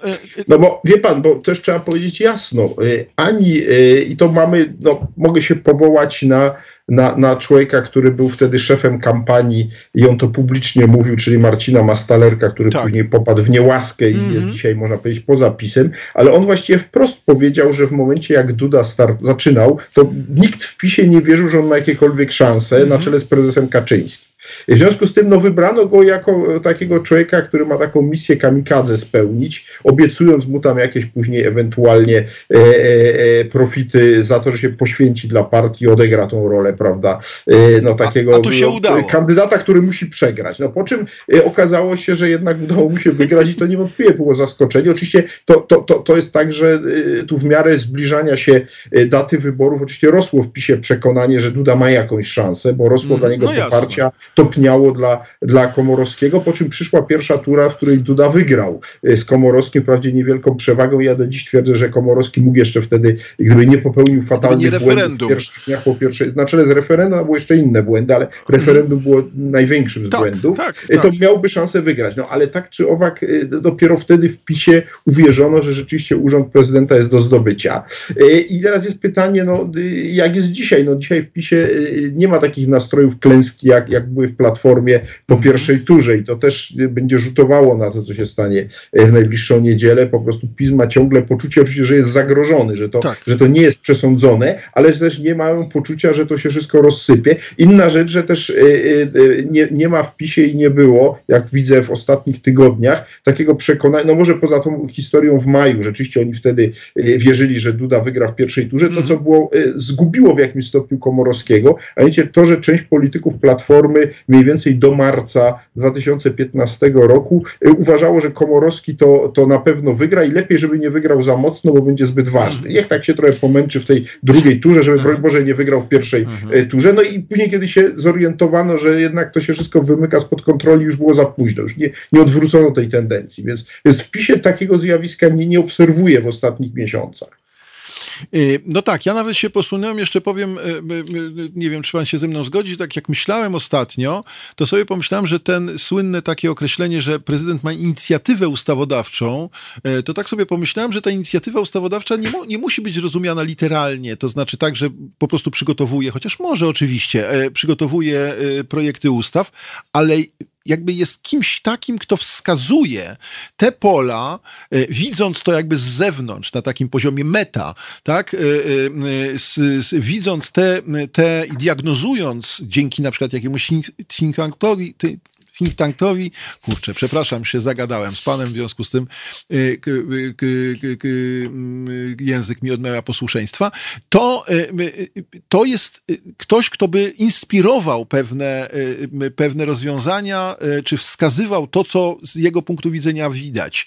I to mi się wydaje najlepszym kierunkiem do myślenia o prezydencie w Polsce. Chciałbym, chciałbym, żebyśmy do tego doszli, bo w tej chwili to rzeczywiście tu jeden z naszych słuchaczy napisał, że, że ta że ta, ten sposób myślenia ten sposób myślenia trafia, i to jest kolejny element, którym się pewnie zgodzimy, do, e, do ludzi jednak mało zorientowanych e, w Polsce i, i, i, poziom edukacji tu jest e, wciąż bardzo istotny. Moim zdaniem demokracja bez edukacji nie, nie istnieje. Znaczy, w sposób zupełnie oczywisty musi spaść na poziom, na poziom populizmu. Jeśli pan pozwoli, znowu zrobimy krótką przerwę muzyczną i za sekundę dosłownie nie, znaczy może przesadziłem. Za półtorej minuty wróci. Tak jest. Nie, nie, półtorej minuty, pani profesor. Jasne. Słuchajcie, powtórki programu.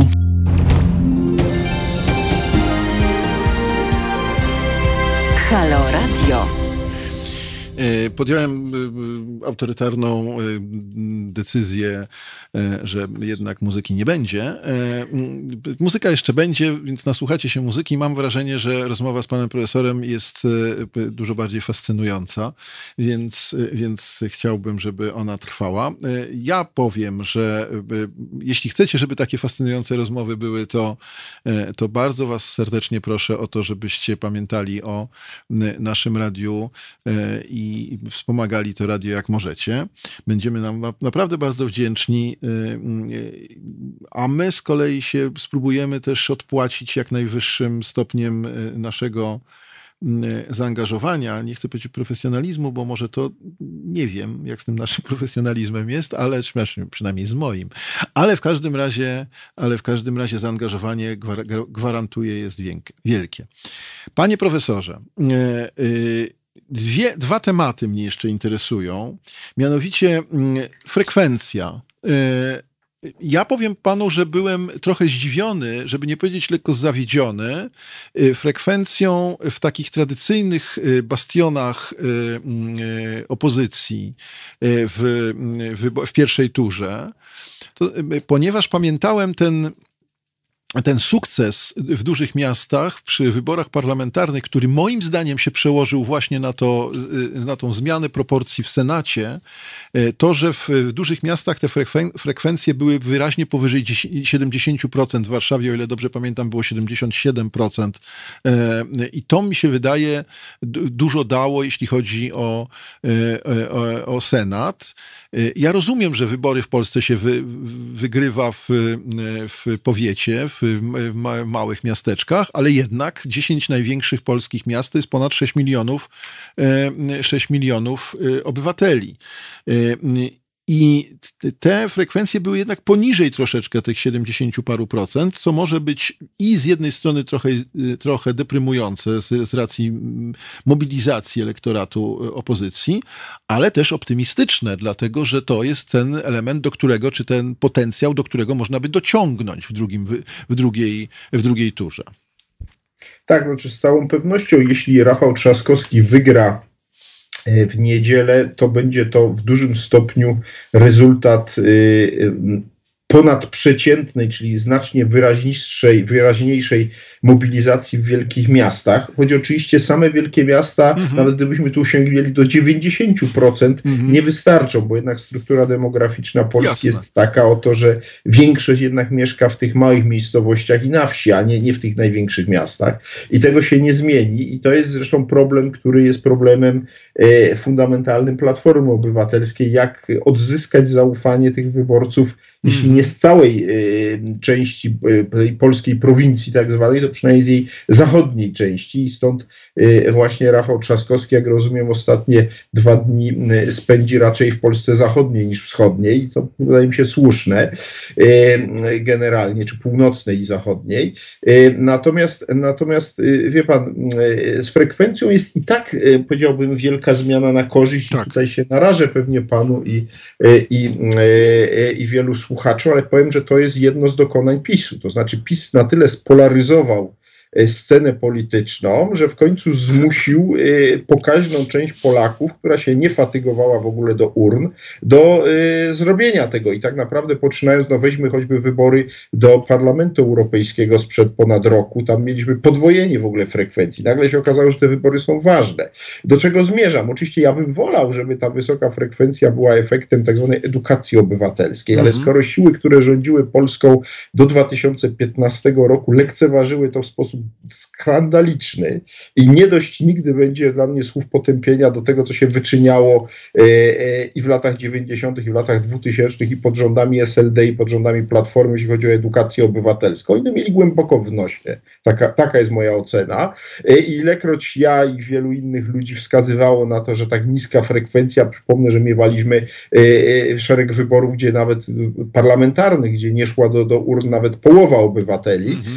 I, i na mówienie, że to jest po prostu podkopywanie gałęzi, zawsze słyszałem lekceważące sformułowania, że to wcale nie jest takie ważne, a może lepiej, żeby nie chodzili, bo to nie wiadomo kto pójdzie, to mogą pójść różni właśnie y, y, jacyś podatni na hasła populistyczne. No rzeczywiście tam się podpierano, bo kiedyś Andrzej Lepper przed laty zrobił takie badania, z których mu wyszło, że właśnie wśród tych niechodzących to on mógłby zyskać, więc próbował organizować jako pierwszy konkursy profrekwencyjne, jakieś tam nagrody finansowe dla gminy, gdzie będzie najwyższa frekwencja. Jak widzimy teraz PiS już to rozwinął na tak. ogromną skalę te słynne wozy strażackie. Mhm. Więc ja powiem tak, y, y, y, mnie, mnie akurat to się podoba, że ta frekwencja jest o tyle tak wzrosła i, i mam nadzieję, że ona jeszcze wzrośnie, że w ogóle może w niedzielę pobijemy rekord z 95 roku z drugiej tury Wałęsa-Kwaśniewski, czyli gdzie było 68%.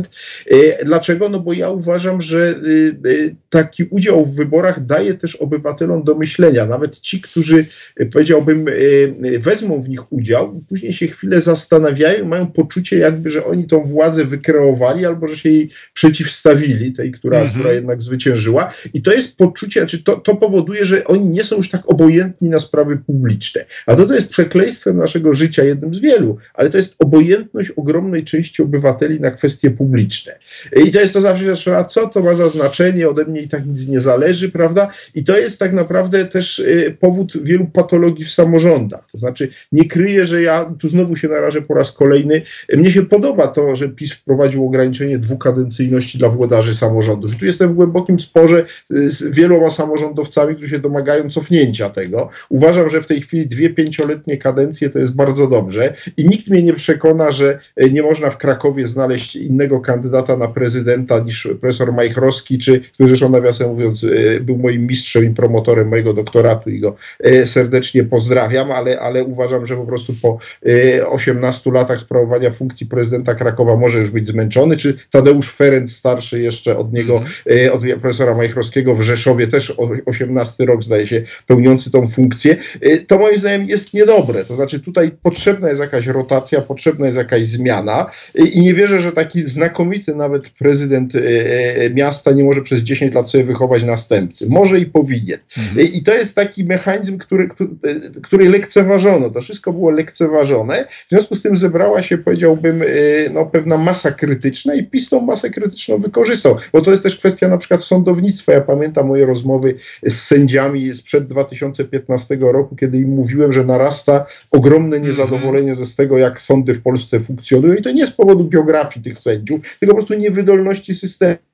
Jeśli tego nie spróbujecie naprawić, no to, to w którymś momencie ktoś to wykorzysta. Okazało się, że byłem złym prorokiem, PiS to znakomicie mm -hmm. wykorzystał. I to można tą li, litanię pretensji y, y, długo ciągnąć. To jest niestety problem y, taki oto, czy teraz, jeśli rzeczywiście PiS straci władzę, a myślę, że jakaś szansa na to jest. Nie wiem, czy już w niedzielę, czy mm. zacznie ją tracić, czy dopiero za trzy lata, ale jestem przekonany, że PiS wyczerpuje swoje możliwości i, i nie, nie, jestem takim pesymistą, jak niektórzy, którzy mówią, że jak Trzaskowski przegra, to już w ogóle będzie dyktatura i, i PiS nigdy już wyboru władzy nie odda. Nie, myślę, że on ją odda. Tylko mnie bardziej interesuje, co ta druga strona, która przejmie władzę z rąk PiSu ma do zaproponowania. To a propos tego, co pan mówił wcześniej, ja mam wrażenie, że Platforma Obywatelska straciła te pięć lat. Tak. Że ona tam nic nie urodziła i to, wie pan, symbolem, kwintesencją tego był ten program Trzaskowskiego, sklecony z propozycji programowych innych kandydatów na czele z mhm. Kosiniakiem i Hołownią, który został ogłoszony w przeddzień pierwszej tury.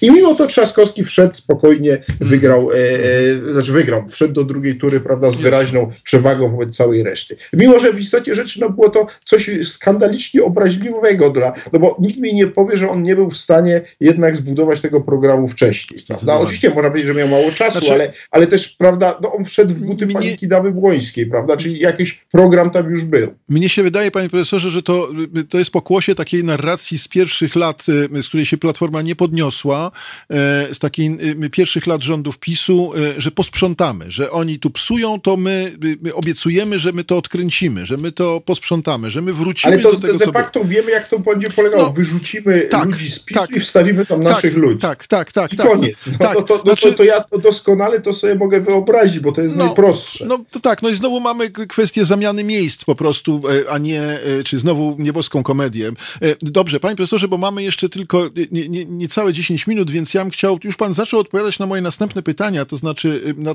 na pewien political fiction, co, co się stanie w, w jednej wersji, co się stanie w drugiej wersji.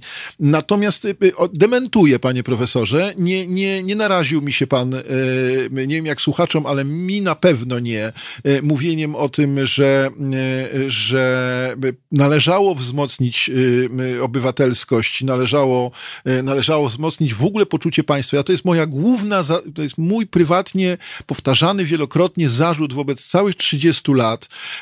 Taki zarzut, że jak już wreszcie mamy tę radość ze zyskanego śmietnika, cytując Kadena Bandrowskiego, i mieliśmy wreszcie nadzieję, że, że, że to państwo będzie nasze po 200 latach niewoli. Ja łączę, domyśla się pan, 123 plus całą resztę z, małym, tak. z, z małą przerwą na drugą Rzeczpospolitą, to, to, to mówiłem, że naczelnym zadaniem naszym jest pokazanie Polakom, że państwo jest w końcu nasze. I to jest coś, co ja będę w kółko powtarzał, że tego nie zrobiliśmy. Jest to nasz jeden z podstawowych, jeśli nie w ogóle pierwszy błąd w, w tych 30 latach. Więc tu a, a zupełnie się mi pan nie naraził. Jeśli chodzi o drugie, drugie narażenie, to znaczy dwie kadencje e, e, w samorządach, to troszeczkę mi się pan naraził, tylko, ale też troszeczkę, ponieważ pytany o to parę lat temu, dwa, dwa trzy, już nie pamiętam, kiedy to były ta kwestia była dyskutowana, powiedziałem, że ja bym wolał, żeby taką kadencyjność e, również wprowadzić albo w pierwszym rzędzie w Sejmie, bo ona by z kolei była związana na przykład z redukcją klanu Czarneckich na przykład, albo, no wie pan, takiego, takiego pomysłu niektórych młodych... Ale, ale, to klanu, ale to klanu nie zre... bo po dwóch kadencjach syn mógłby no, wchodzić w no, ta, ojca no tak. i, i wie pan, to, to tak... Ja rozumiem. Ja roz... Ale zgadzam się z panem, mhm. że to jest do rozważenia. Ja bym też o tym poważnie dyskutował, mhm. czy nie ograniczyć do dwóch kadencji właśnie mnie, możliwości mnie bycia tym, posłem. Mnie o tym przekonało, przepraszam, że panu teraz wchodzę w słowo, bo, bo, bo trochę mi zależy już na przyspieszeniu, e, bo chcę jeszcze o jedną rzecz spytać. To jest, e, to, jest to, to, to wypływa z mojej obserwacji ludzi młodych znowu. Ja zauważyłem jednak taki syndrom i pan pewnie również, że e, to widać w młodzieżówkach partyjnych i tak dalej, i tak dalej, takiego pomysłu, że oto polityka jest po prostu sposobem na życie, e, że, e, że my od razu zakładamy na poziomie licealnym, dosłownie.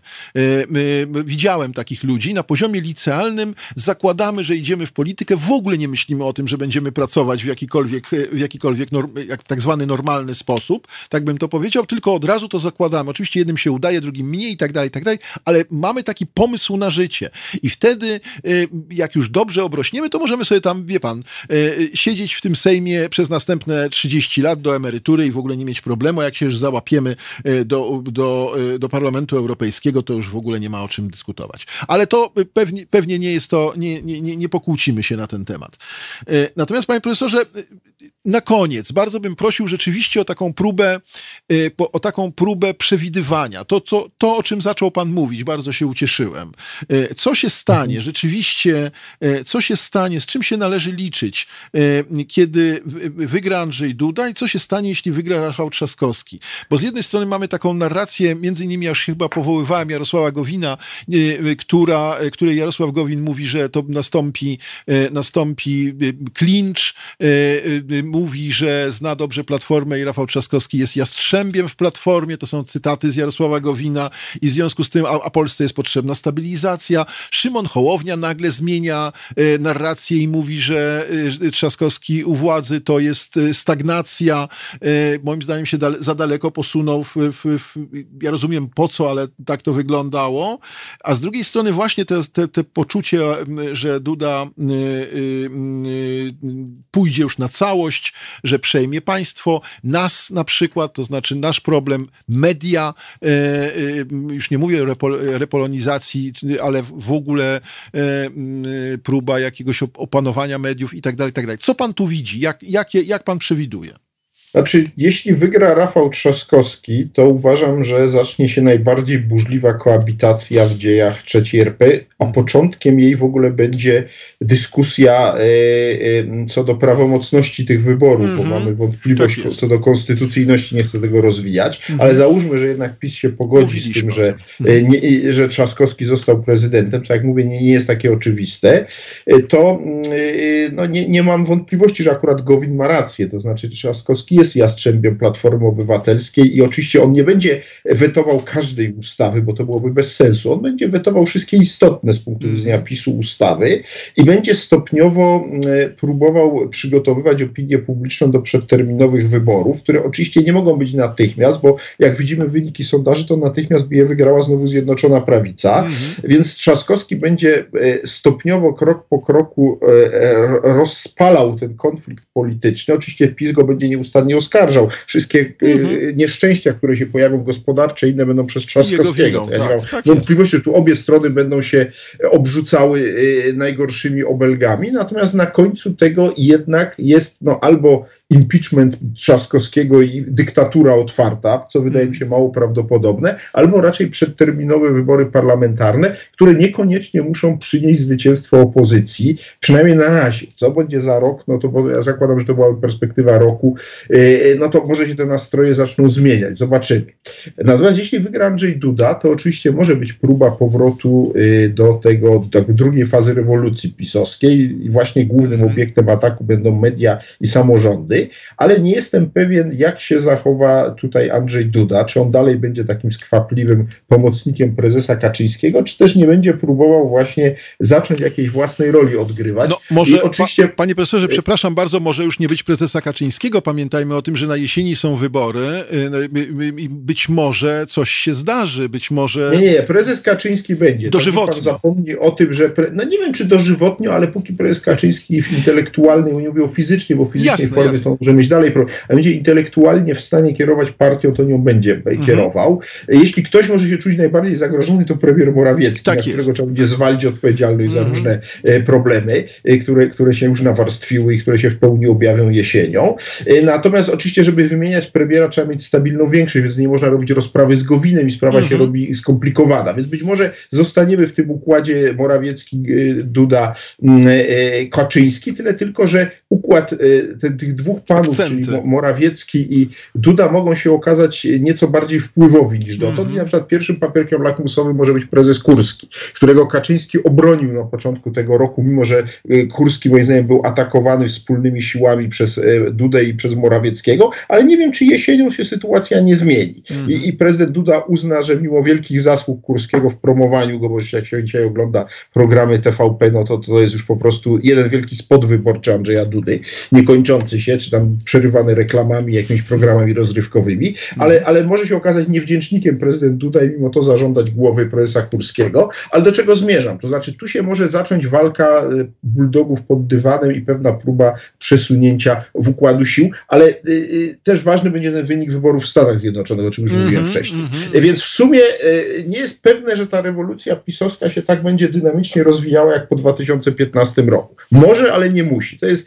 wielka zagadka, natomiast jedno jest pewne, y, y, obóz będzie się władzy starał utrzymać jedność, tak jak w poprzedniej kadencji, no bo ryzyko jest zbyt duże. Czyli mówiąc tylko, walka się będzie nasilała, coś tam może prezes Kaczyński ustąpi, ale oczywiście z punktu widzenia wyborcy antypisowskiego, no to będzie dalej jeden wielki monolityczny obóz PiSu i to będą takie walki, powiedzmy, dworskie, które, które yy, natomiast oczywiście te walki dworskie mogą skutkować tym, że no na przykład yy, ta operacja kierowana przeciwko mediom czy samorządom yy, zostanie wyhamowana, czy jakoś tam ograniczona, bo ona może mieć różny charakter i w przypadku mediów i samorządów możemy mówić o takiej totalnej kasacji, ale możemy też mówić o częściowej kasacji, prawda? I tutaj to jest stopniowalne, tego nie jesteśmy dzisiaj w stanie przewidzieć, bo sam PiS nie wie, jak daleko będzie się w stanie posunąć. To będzie metodą, prawda, na, na, na pewnego, pewnego eksperymentowania, na ile się możemy, na ile sobie możemy pozwolić. To. Więc, więc zobaczymy. No.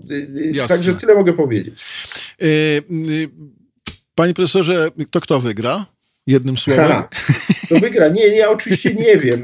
Wie pan, nikt z tego myślę nie wie. Mhm. E, mimo wszystko twierdzę, że faworytem jest Duda, tak, ale tak. to nie jest twardy faworyt. To znaczy, ja uważam, że Rafał Trzaskowski, jeśli przegra, to dlatego, że nie zaryzykował, nie pojechał do Końskich a trzeba było tam pojechać ku zaskoczeniu Miałem. Kurskiego, wziąć udział w tym show i próbować, no, że nie tyle znokautować Dudę, bo to było w tym ustawieniu niemożliwe, ale pokazać, że się ma odwagę, ma się to słynne tak, kochones tak. i się walczy na polu nieprzyjaciela, czy na, na wrogim polu, na polu e, przeciwnika. I on z tego zrezygnował i uważam, że no, nie, nie, nie, nie podjął próby przeważenia szali, ale być może się okaże, że nie trzeba było tego robić. Mm -hmm. Jeśli wygra na, na właśnie na, na jakąś niewielką przewagę bez tego, no to, to, to okej. Okay. Mm -hmm ale na razie mam wrażenie, że jednak mimo wszystko przewaga jest po stronie Dudy i Trzaskowski zrezygnował z tej szansy przechylenia e, szali na swoją stronę. Dziękuję, że pan to powiedział, bo to był w zasadzie pomysł na moje pierwsze pytanie do pana o te końskie, natomiast zrezygnowałem, bo myślałem sobie, że mam ważniejsze pytania, ale jednak okazało się, że to było ważne pytanie. Wróciliśmy na koniec Wróciliśmy, tak, do, do, do, do, do źródeł. Ja też jeszcze na koniec zwrócę uwagę, już pewnie nie czekając na pańską, e, na pański, czy nie, nie, nie, nie, nie, nie prosząc nawet o pański komentarz, chyba że będzie pan zdenerwowany moim stwierdzeniem, e, jest problem e, zagranicy. Tak? To znaczy, jeżeli jest, ocenia się 45 tysięcy głosów, które gdzieś tam po, poszły, to przy, mm, przy niewielkich różnicach to może być jednak istotne, a mamy, tak. a mamy jednak dużo głosów. Niedawno rozmawiałem ze znajomymi z Wielkiej Brytanii, którzy, którzy mówią o tym, że są problemy. Więc to też jest, to też są elementy, no i to, co, czemu poświęcamy spot reklamowy, czy nawet no może to nie reklamowy, tylko, tylko kampanii, y, czyli tego, tego jakiegoś zadziwiającego optymizmu premiera Morawieckiego dotyczącego tego, że już jest bezpiecznie i wszyscy mogą wyjść i głosować. Panie, prezy o, panie prezydencie, e, już jakieś takie antycypacje mi przychodzą freudowskie. E, nie, nie, jestem politologiem, ale nie politykiem. Podkreślam tą Panie, różnicą. Jasne, jasne. Panie profesorze, e, bardzo naprawdę dziękuję, że pan mi poświęcił Y, y, swój cenny czas i, i, i, chęć rozmowy. Mam y, teraz już niestety, muszę pana zmartwić, bezczelne poczucie, że przetarliśmy szlaki, więc, więc będę, teraz, będę teraz odważniejszy i zadzwonię za jakiś czas, znowu zapraszając pana do, do, do, do mojego programu. Dziękuję. Dziękuję bardzo, pozdrawiam. Kłaniam się, dobrej nocy. Dziękuję Wam bardzo. E, e, mam nadzieję, że jesteście e, też zadowoleni z naszej, z naszej, z naszej rozmowy. Mm, no, a widzimy się, znaczy słyszymy się i widzimy się w niedzielę na tematy mm, związane z ciszą wyborczą. W związku z tym będziemy zupełnie o czym innym mówić. Zapraszam w niedzielę.